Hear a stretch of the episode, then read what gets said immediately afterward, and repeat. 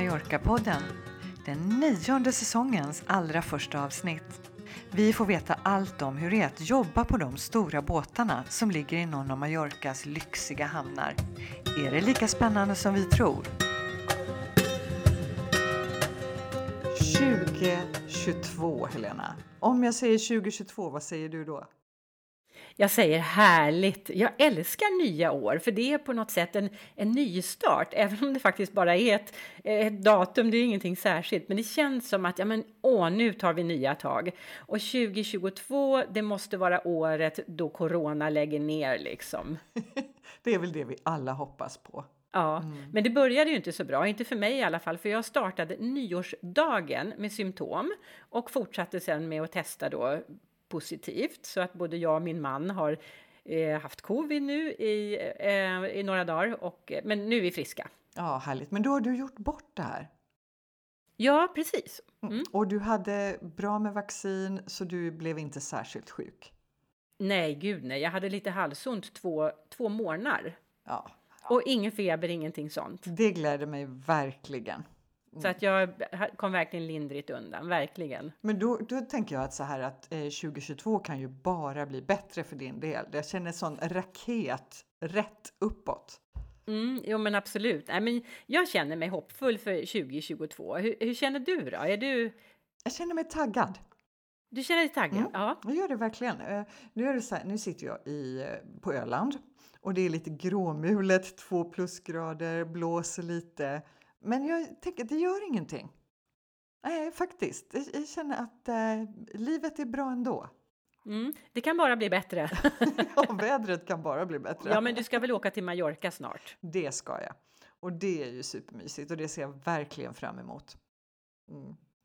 Eh, och jag har faktiskt en förestående resa till Gran Canaria framför mig så att jag åker och hälsar på min syster där eh, en vecka. Ja, mysigt. Men sen räknar jag nog med att åka till Mallorca eh, efter det, men kanske inte på direkten. Nej. Men vi har många kompisar som är nere på Mallorca nu och vi har eh, nya färska rapporter från dem om att eh, det är lite svalt vinterväder, men solen värmer gott. Mm. Så det är härligt när man sätter sig vid en södervägg, då kan man ta av sig bara t-shirten. Ja. Det är jättehärligt. Ja. Och jag vet dessutom att mandelblommorna har börjat blomma. Ja, ja. Jag Åh, varför? Jag missar nästan alltid det där. Jag förstår inte. Och jag tycker alltid att de börjar blomma tidigare än vad jag tror. För jag inbillar mig att det är februari-mars, men det är ju faktiskt redan i januari direkt efter jul och nyår. Exakt så tänker jag också. Och så tänker jag så här, ja men nej men i år ska jag nog åka ner tidig vår och titta på mandelblommorna. Och så bara, nej men de har blommat över nu. nej, de är, de är på full gång nu, men de håller ju på ett tag i och för sig. Mm. Och så är det perfekt, för att, eh, perfekt väder för att vandra, perfekt väder för att cykla. Ulf är ju nere i Alarå just nu och eh, han eh, vittnar om härliga cykelturer. Mm, ja, har han sålt sin bil än? Eh, han har inte haft någon bil. Nej, jag har för mig att de skulle sälja bilen och bara nej, cykla. Nej, nej, nej, de bestämde sig för att inte köpa någon bil. Aha! Mm. Ja, men det ska han få berätta mer om hur det äventyret går. Ja, det får han göra. Mm. Ja, precis. Han kanske kommer nästa gång. Ja, det tror jag mm. faktiskt att han gör med live-rapport mm. från Mallorca. Men du, eh, du pratade med en av dina kompisar också som berättade lite om coronaläget. Ja, precis. För jag frågade eh, hur det är med på... Du vet, jag är ju så intresserad av att gå på bar och restaurang alltid. hur är det nu på barerna? Får man komma in? Utan, eh, för jag hörde eh, att man inte, eh, stora restauranger tar inte emot gäster om de inte är, har covid certif certifikat, alltså vaccinationsbevis. Mm. Och det stämmer och de har skruvat åt det där lite grann så även små ställen måste tydligen begära vaccinationspass för att få servera sina gäster. Så det verkar vara väl utbrett nu. Okay. Och jag såg eh, att Mallorca Daily Bulletin hade på första sidan att det var någon som hade slagit upp en sån här antivax-bar för antivaxare, antivax eh, aktivister liksom. Ja, alltså jag sympatiserar ju inte med dem, men jag kan inte låta bli att dra på smilbanden åt initiativet. Ja, ja, men ungefär så tänker jag också. Det var faktiskt roligt. Men du, eh, idag ska vi prata om ett fenomen som inte är så vanligt i Sverige, men som är jättevanligt på Mallorca. Ja, att jobba på en yacht. Ah. En, alltså, och det här kanske blir året, Katarina, när du och jag börjar jobba på en yacht. önskar, men det är om inte om fanns, om jag inte hade en hund, eh, om jag inte var gift eller om min man inte var sjösjuk. För jag tycker det skulle vara jättemysigt att jobba tillsammans med honom på en yacht. Ja, men vet du vad? Jag tror att det här med sjösjuk, jag tror det jag är nog också sjösjuk av mig eller har fallenhet för det, men jag tror att man, eh, man vänjer sig. Ja, jag vet inte, alltså jag har, ju, jag har ju faktiskt lite erfarenhet. Jaha, har du det? Mhm. Mm, berätta. Jag, jag har inte jobbat på en yacht, men jag har jobbat på en kryssningsbåt. Ja, men hur stor skillnad kan det vara på sex personer och 600 personer? ja, det räknas Katarina. Du får räkna dig som en jotty du också. Tack! Men hur har du, eh, du kan och vet en massa om jottisar nu. Hur har du fått reda Ja. på det? Jo, men jag åkte ut till Port Adriano och träffade Sabina och eh, som då jobbar på en yacht eh, som ligger, som har sin hamn där, hemmahamn där. Och hon har hållit på och eh, gjort det här i eh, åratal. Och hon har jättemycket erfarenhet och eh, hon hade jättemycket att berätta. Det var så kul. Vad härligt! Och vi kan, ju, vi kan ju säga till att det är ju, är du 20 år och är supersugen på att eh, jobba på en yacht så ska du lyssna. Är du 60 år och bara tycker det är jättespännande med folk som hittar på sådana här saker ska du lyssna för det är så himla spännande att höra det hon berättar. Ja, och alla åldrar däremellan kan också lyssna för att det, det, är verkligen, det är verkligen en värld som är förtrollande det här. Och vi pratade länge och så att jag tänker så här att du och jag pratar inte så mycket mer utan vi släpper på henne nu. Intervju med Sabina.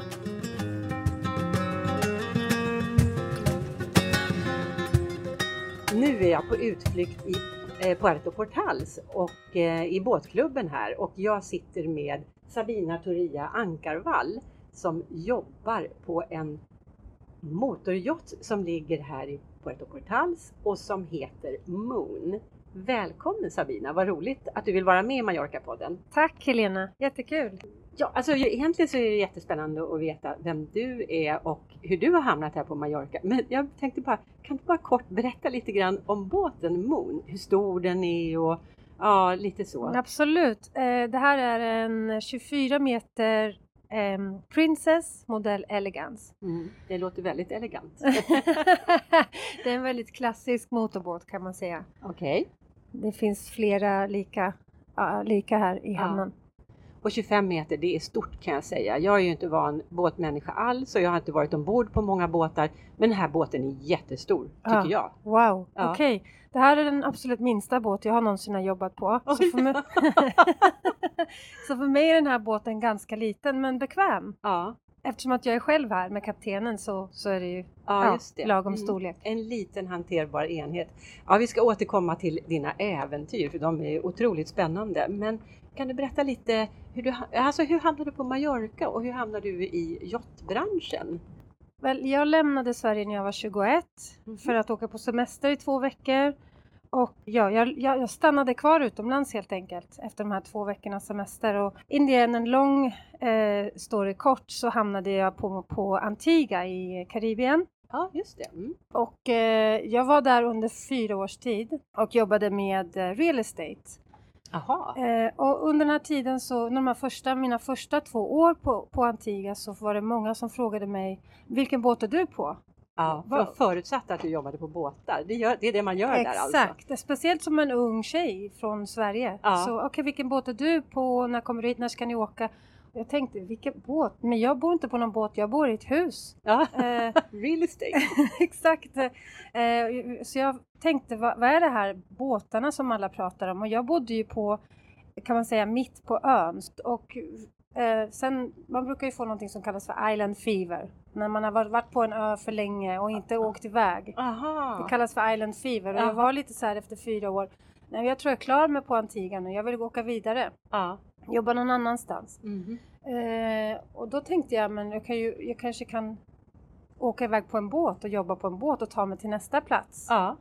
Eh, ja, och jag lyckades få en intervju. Det som mitt första jobb var på en 80 meters båt Ja. med ett par från Kanada som var mellan 65 och 70 år och de bodde på båten hela tiden. Ja. Vilket också är ganska ovanligt. De hade köpt båten för att resa runt jorden två varv. Jaha.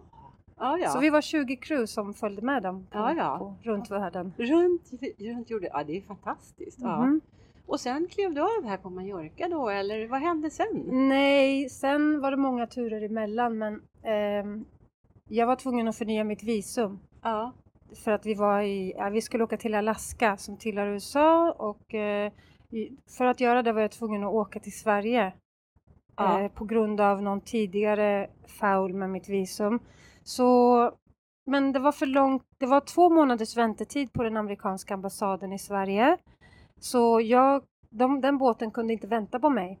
ja, just det. Så jag blev kvar i Sverige ett tag Mm. och sen reste runt i lite andra länder. Men Mallorca är ju Antiguas systerö. Alltså är det, är, är det så att om man är en jotty, Ja. som vi ska komma in på sen vad det kan vara för någonting, men eh, då är det, då åker man mellan Mallorca och Antigua mycket alltså? Mm. De, två, de två är två av de största hamnarna. Okej, är det så? Ja, de, Mm. två av de största hamnarna och många som är på Antigua åker till Palma och så vidare. Men båtar åker dit ägaren vill åka Ja, liksom. klart. Ja. Och eh, det, kan, kan ändras från år till år. ja. Om man, om man, vissa båtar rör sig bara mellan Mallorca och Antigua, vissa är bara i Tahiti, vissa är bara här på Mallorca. Så det är lite olika. Men Mallorca och Palma har någon slags förbindelse, någon förknippning, Ja. systeröar på något vis. ja, jag förstår. Och jag tänkte att när jag ville tillbaks till båtarna så tänkte jag att jag vill vara någonstans närmare Sverige Mm. så att jag kan hälsa på min familj Mm. och jag vill vara någonstans där det inte är ett liksom tredje värld för att det är ganska svårt att leva som privatperson på Antigua. Mm. Jag förstår. Du vet med sjukhus, med vård, med allting. Okej, Så ja. det är lite farligare nu också. Liksom, det är inte säkert. Så, ja, en säker plats i Europa där det finns jobb för mig. Och då Mm. var det naturliga valet för mig Mallorca. ja. Så då reste du hit och liksom sökte jobb och började aktivt jobba?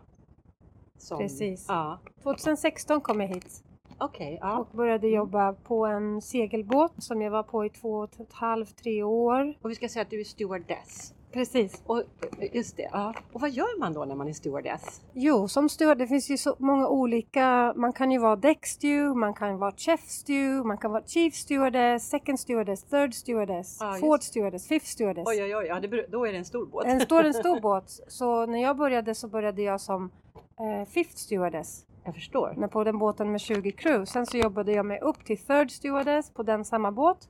Nästa båt så jobbade jag som second stewardess och sen så jobbade jag mig upp till chief stewardess. Ehm, och sen nu så jobbar jag ju som sole stewardess. Mm. Att jag är ensam med kaptenen och Mm. då behöver man också kunna allting när det gäller att handla båten utomhus på Ja, däck. Så att ja. jag, jag måste ju liksom docka båten med kaptenen. Eh, ja, eh, mm, docka. Parkera. Parkera, eh, ja just det. Precis. Ja. Mm, det är som Absolut. när, när man är ute och ska fick parkera i Palma, då är det en som kliver ut och står och viftar. Exakt, ungefär så. Men jag, gör, jag sköter alla, alla fenders, jag tar, jag tar alla eh, rep eh, från eh, de Marineros som hjälper oss. ja, Så jag gör allt av det. ja. Ja, alltså det är helt fascinerande. Så man har ju olika roller beroende på hur stor båten är. Ja, Och desto större båten är, desto mindre arbetsområde har man. Eftersom då så finns det personal till varje arbetsområde. ja, ja. Du kan dammsuga en korridor två dagar i rad. Ja. Eller bara vara i tvättstugan i en månad till exempel. Om du är på en sån stor båt. Så du har bara små, eh, mindre, kanske du har mindre färdigheter för att du har börjat så. Du har, oftast är man yngre när man jobbar på en sån stor båt. Och det har jag hört också, att det är väldigt starka hierarkier ombord på en båt. Ja precis, absolut. Det är, man vet sin plats och man går inte över den gränsen. Absolut. Eh, Men det kanske också ligger i sakens natur, för det måste vara så, åtminstone när man är ute liksom på havet och, och det det händer saker och så. Det måste... Ja, och det är disciplin och order för det finns inte utrymme för drama på båtar. Nej. Och desto, det är ju, kaptenen har ju ansvar för alla. Ja. Och desto mera crew, desto mer ansvar. Ja. Det, är- det är ju jätteviktigt att det får inte finnas någon, eh, någon mobbning eller någon särbehandling eller någonting sånt utan alla liksom, även om man inte gillar att jobba med en person så Mm. visar man inte det. Nej. Då är man professionell. Okej. Om man klarar av att inte visa det utan man jobbar, typ, liksom, för det är ju en privat sak. Men Mm. i jobbet så måste man ju eh, sköta det snyggt. Och Ja. om man har ett problem med någon, någon annan i crew så får man gå till kaptenen och ta det med honom och han hjälper till att lösa det. Ja. Ja. Så ja, Mm. Men det är ganska finns mycket inte- hierarki. absolut. Ja. Och det är ju även, det är ju kaptenen och sen är det officer, eh, security officer, kan vara first officer, second officer och sen är det chief stewardess som är ansvarig inomhus, eh, in the interior som har sitt team Mm. och, eh, och sen är det bosun som är ansvarig utomhus. Mhm. För- Vad, heter, vad heter det? Bosun, Bosen? mm, precis. Jag, jag, tr- vi tror att det är matros på svenska, Jaha, jag är inte okej, säker ja. Mm. kan man säga. Ja. På en sån här liten båt som du tycker är 24 meter så är ju kaptenen alltid ansvarig men för att bättre kunna ta hand om våra gäster eller våra ägare så har vi ett la- delat ansvar kan man säga. Mhm. Men han har alltid det sista ansvaret. Mm. Och Ja. man, man gör det kaptenen säger så det finns inget så här nej men jag tänker inte göra det eller någonting sånt. Då, Mm. Och jag tänker då att det här förutsätter att man har en väldigt bra självkontroll. Alltså både det här som du beskriver att man inte kan ifrågasätta någonting även om man tycker att det är helt, ett helt knasigt beslut eller en helt knasig order. Och att man måste lägga band på sin egen, sina egna känslor och allting när man lever nära då människor som man kanske har svårt för. precis, absolut. Att inte kunna, att låta bli att släppa fram sånt, det måste ju kräva en hel del självdisciplin. Ja, absolut disciplin. Och sen också så är det viktigt att kunna kommunicera. Mm. Det är verkligen A och O tycker jag. Visst kan man ifrågasätta men inte på ett sånt sätt, inte så att det kommer från ditt ego utan det kommer från, från eh, om, omtänksamhet Ja, det. från alla. Mm. Inte, inte från, från ditt ego. Så det gäller också att vara självmedveten. Mm. Varför ställer jag den frågan? Mm.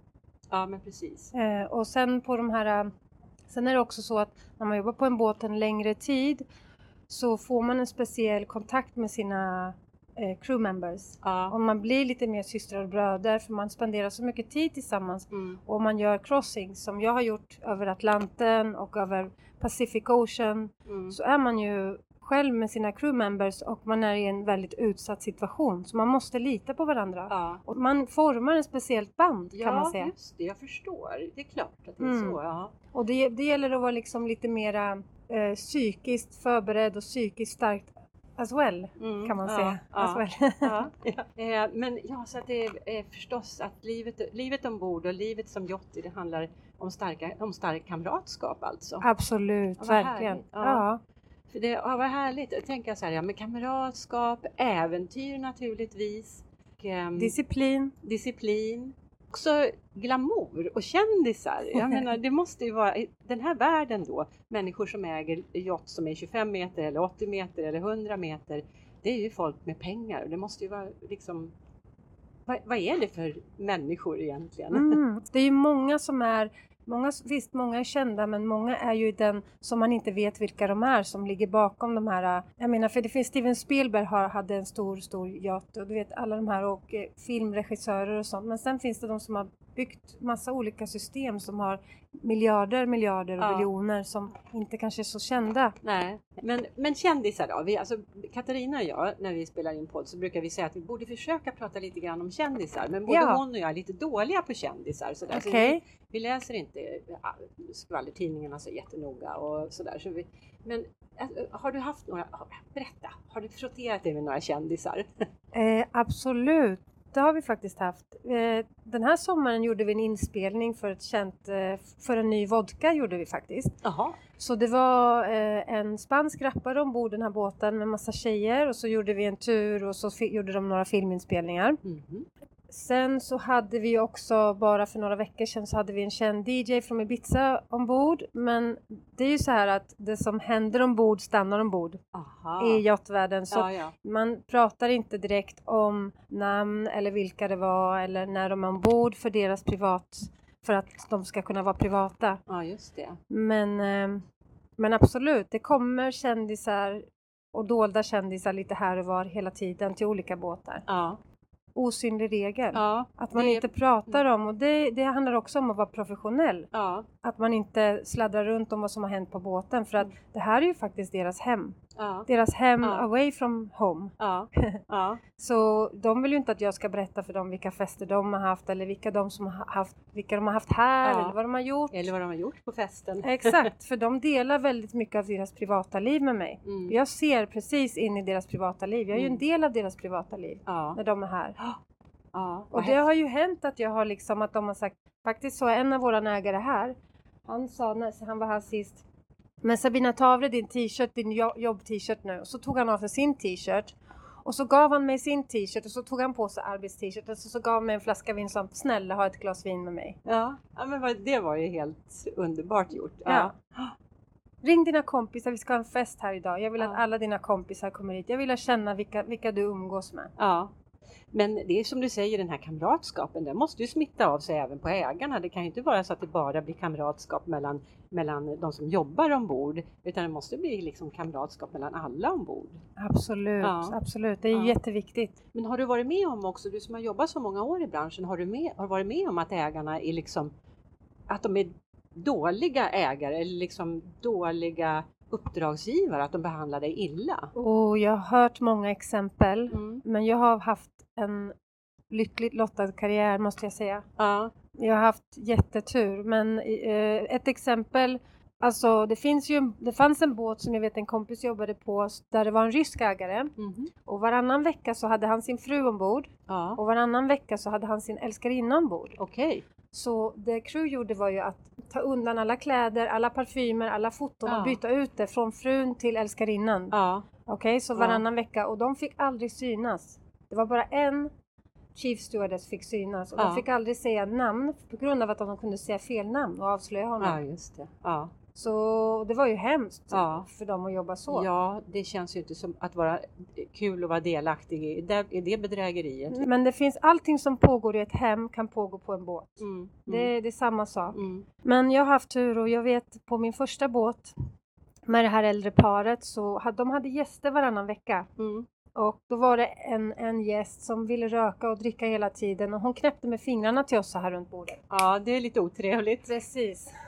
och då, då sa faktiskt eh, ägarinnan till henne att Mm. det här är mina tjejer och de jobbar med mig. Om inte du kan behandla dem rätt så kliver du av i nästa hamn. Ja, det var ju verkligen, eh, alltså jag tycker att det, för mig är det som ett helt, en helt ny värld, liksom både omgivningen med båtarna och det här att man är på sjön och på små ytor, men också det här folket som, som finns här. Det är också människor som jag nästan aldrig kommer i kontakt med. Du sa till mig i telefon när jag pratade med dig för, eh, då, inför den här intervjun att du inte var någon typisk yachty. Men vad är en typisk yachty då? Men du, jag försökte tänka på det efteråt när vi hade pratat. Så tänkte jag, vad är en typisk yachty? Vad är det som gör en yachty till yachty? Är det bara att man jobbar på en båt? Mm. Men jag tycker att det tillhör så mycket till att vara en yachty och det för mig så en typisk yachty kunde vara kanske nu Okej, när jag för 10 år sedan, jag blev 16 år sedan faktiskt, när jag började på båtar så en typisk yachty kunde vara, du vet, de alla hänger ihop. De går till samma bar, det finns två, tre barer i Palma dit alla går som är yachties där man träffar varandra och Mm. gör saker tillsammans och det handlar mycket om party eller dricka några öl efter jobbet. Mm. Ehm, och jag, vet, jag har alltid hållit mig undan det lite grann. Mm. Inte för att jag inte gillar att umgås eller för att jag inte gillar att, att, att dricka en öl någon gång men jag gillar inte så mycket grupperingar Nej, just och, och vara in i ett fack. Ja. Så jag tycker att det, jag vill inte bara vara en av alla så Nej. utan jag vill göra det på mitt sätt. Mm. och, ha lite, och att sätta in sin egen personlighet. Och jag har haft som tur att på båtarna som jag jobbar på så har jag kunnat göra det. Det som du beskriver då om den här grupptillhörigheten, att de håller ihop och går, eh, och, och, går ut till samma ställe. Eh, jag har ju jobbat lite grann på skidort i min ungdom och då brukar man prata om skibums.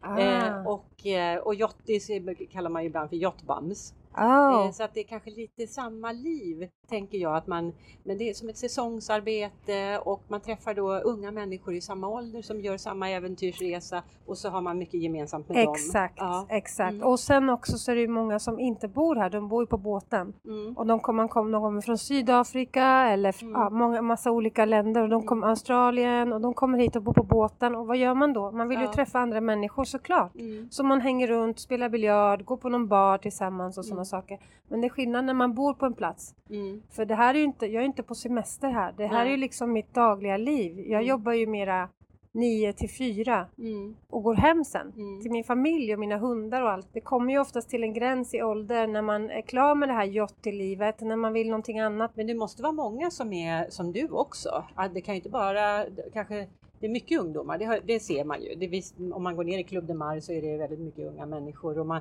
går på Corner Bar eller Ventura Harbor Bar så är det mycket unga Exakt. människor som spelar biljard och sådär. Men... Och det är precis de ställena du har sagt nu som är Jottibarerna. Ja, ja, ja, men tror inte jag har koll på Jottibarerna? du hänger med där än jag.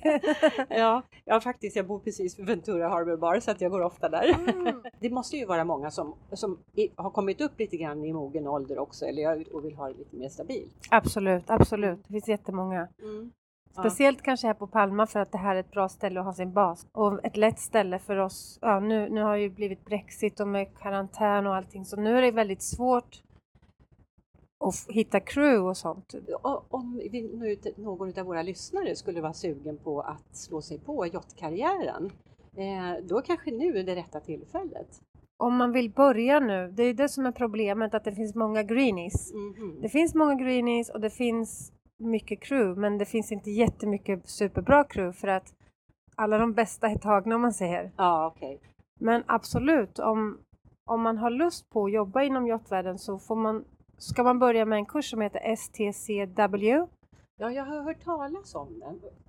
Och du, jag, vänta nu, jag har känt någon som har gått den utbildningen. Den är inte så lång va?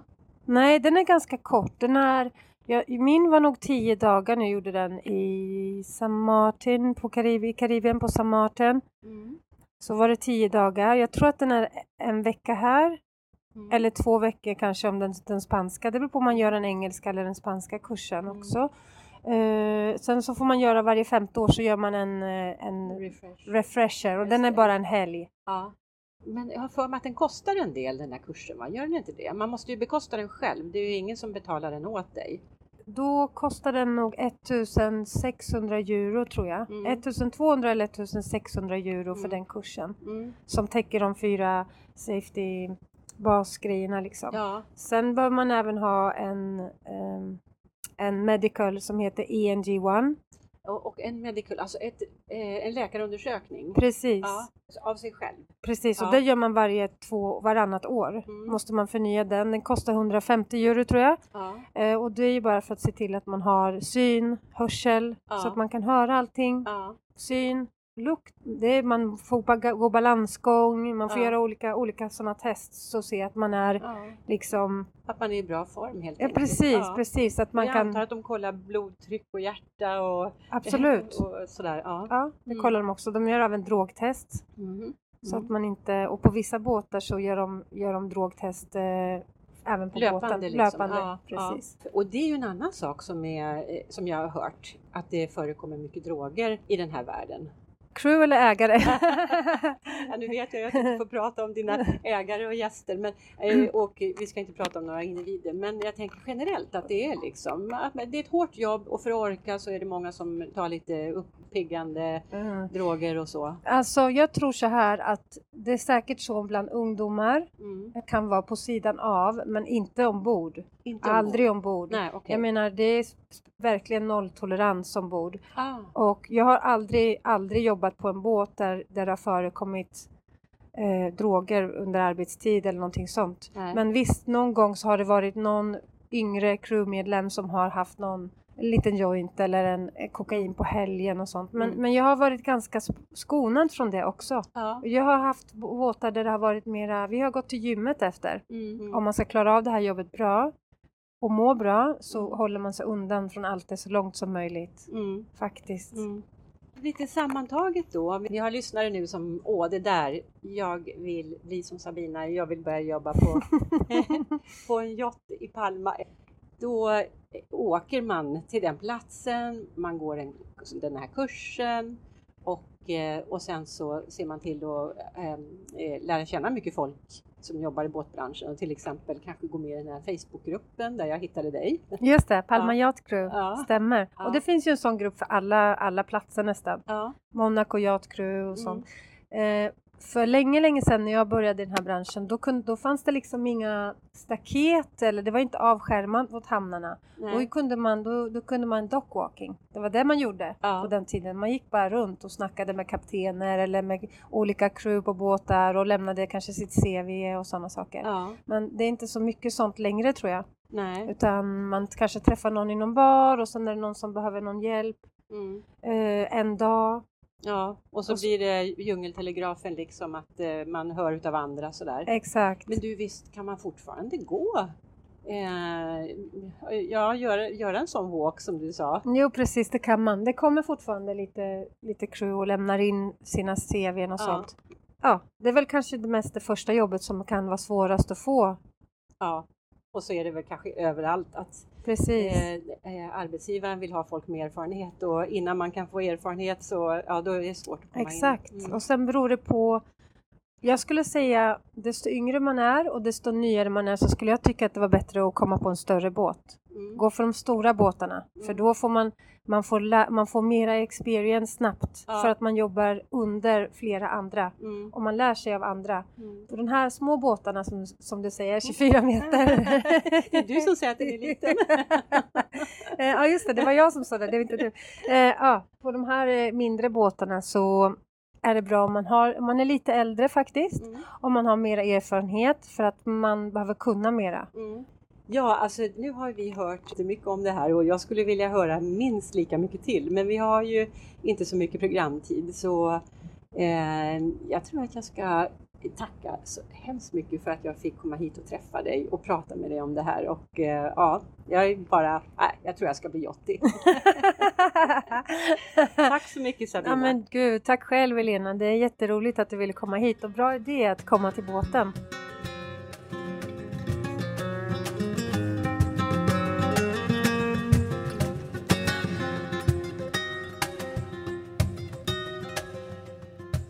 Helena, nu är det klart.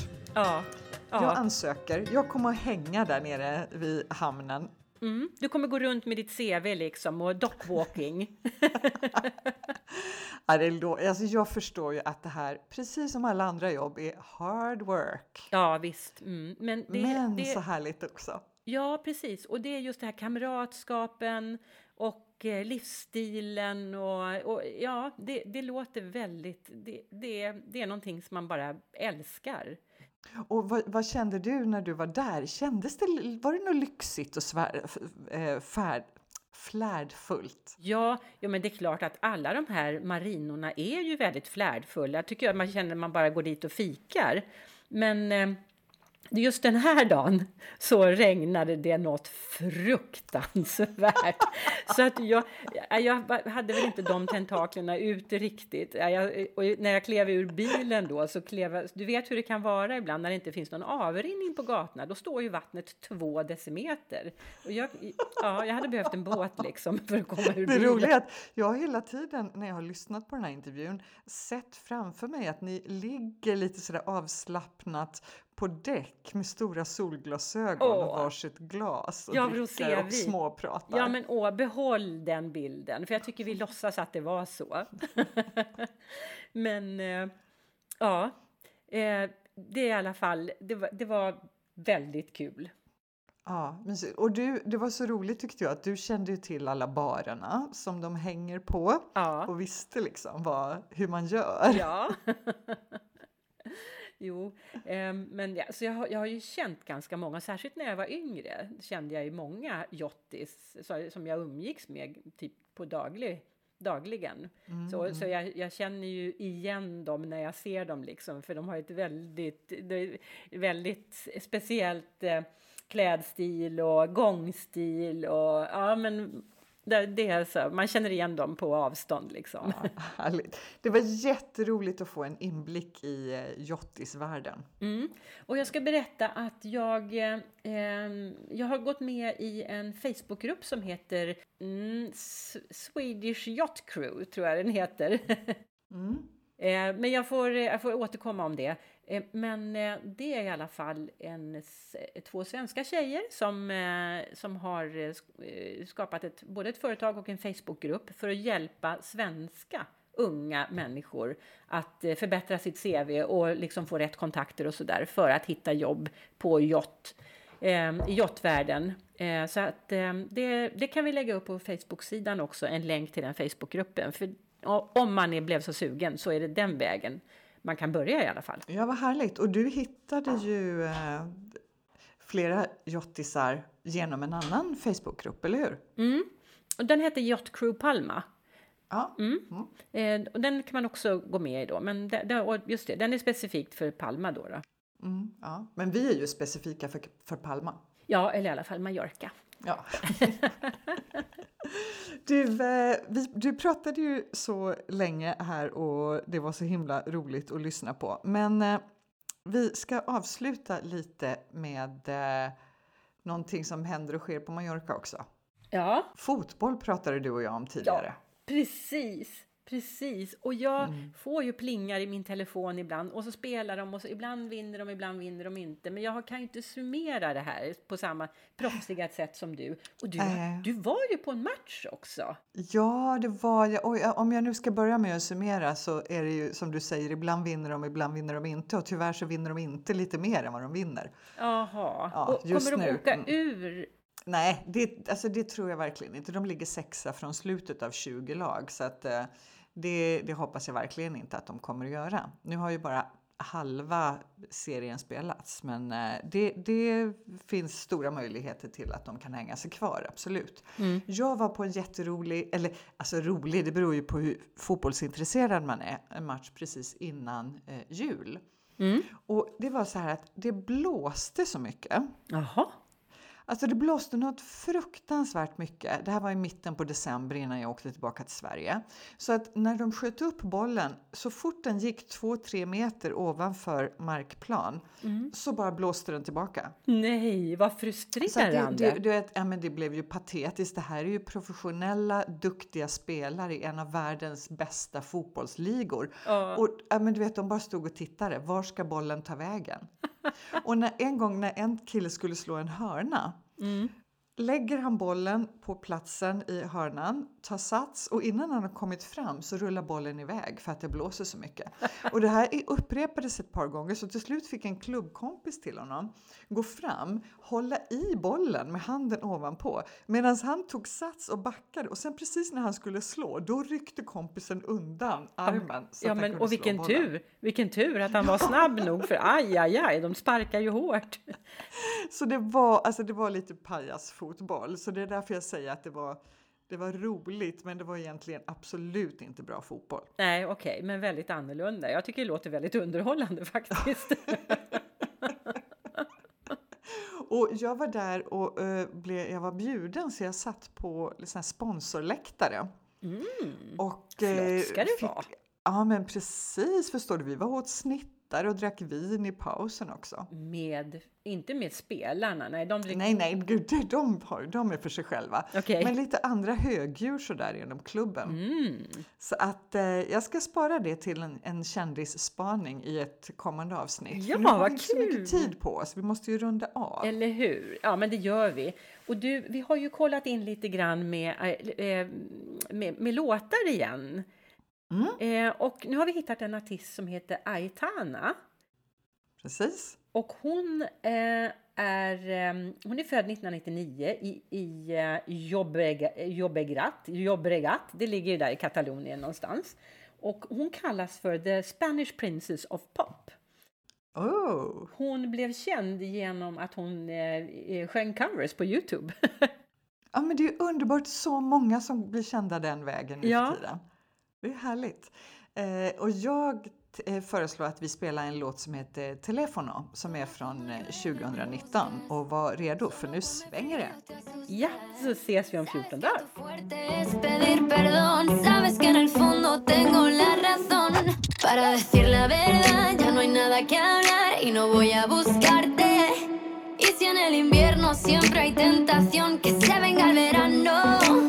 Hoy he dejado mi teléfono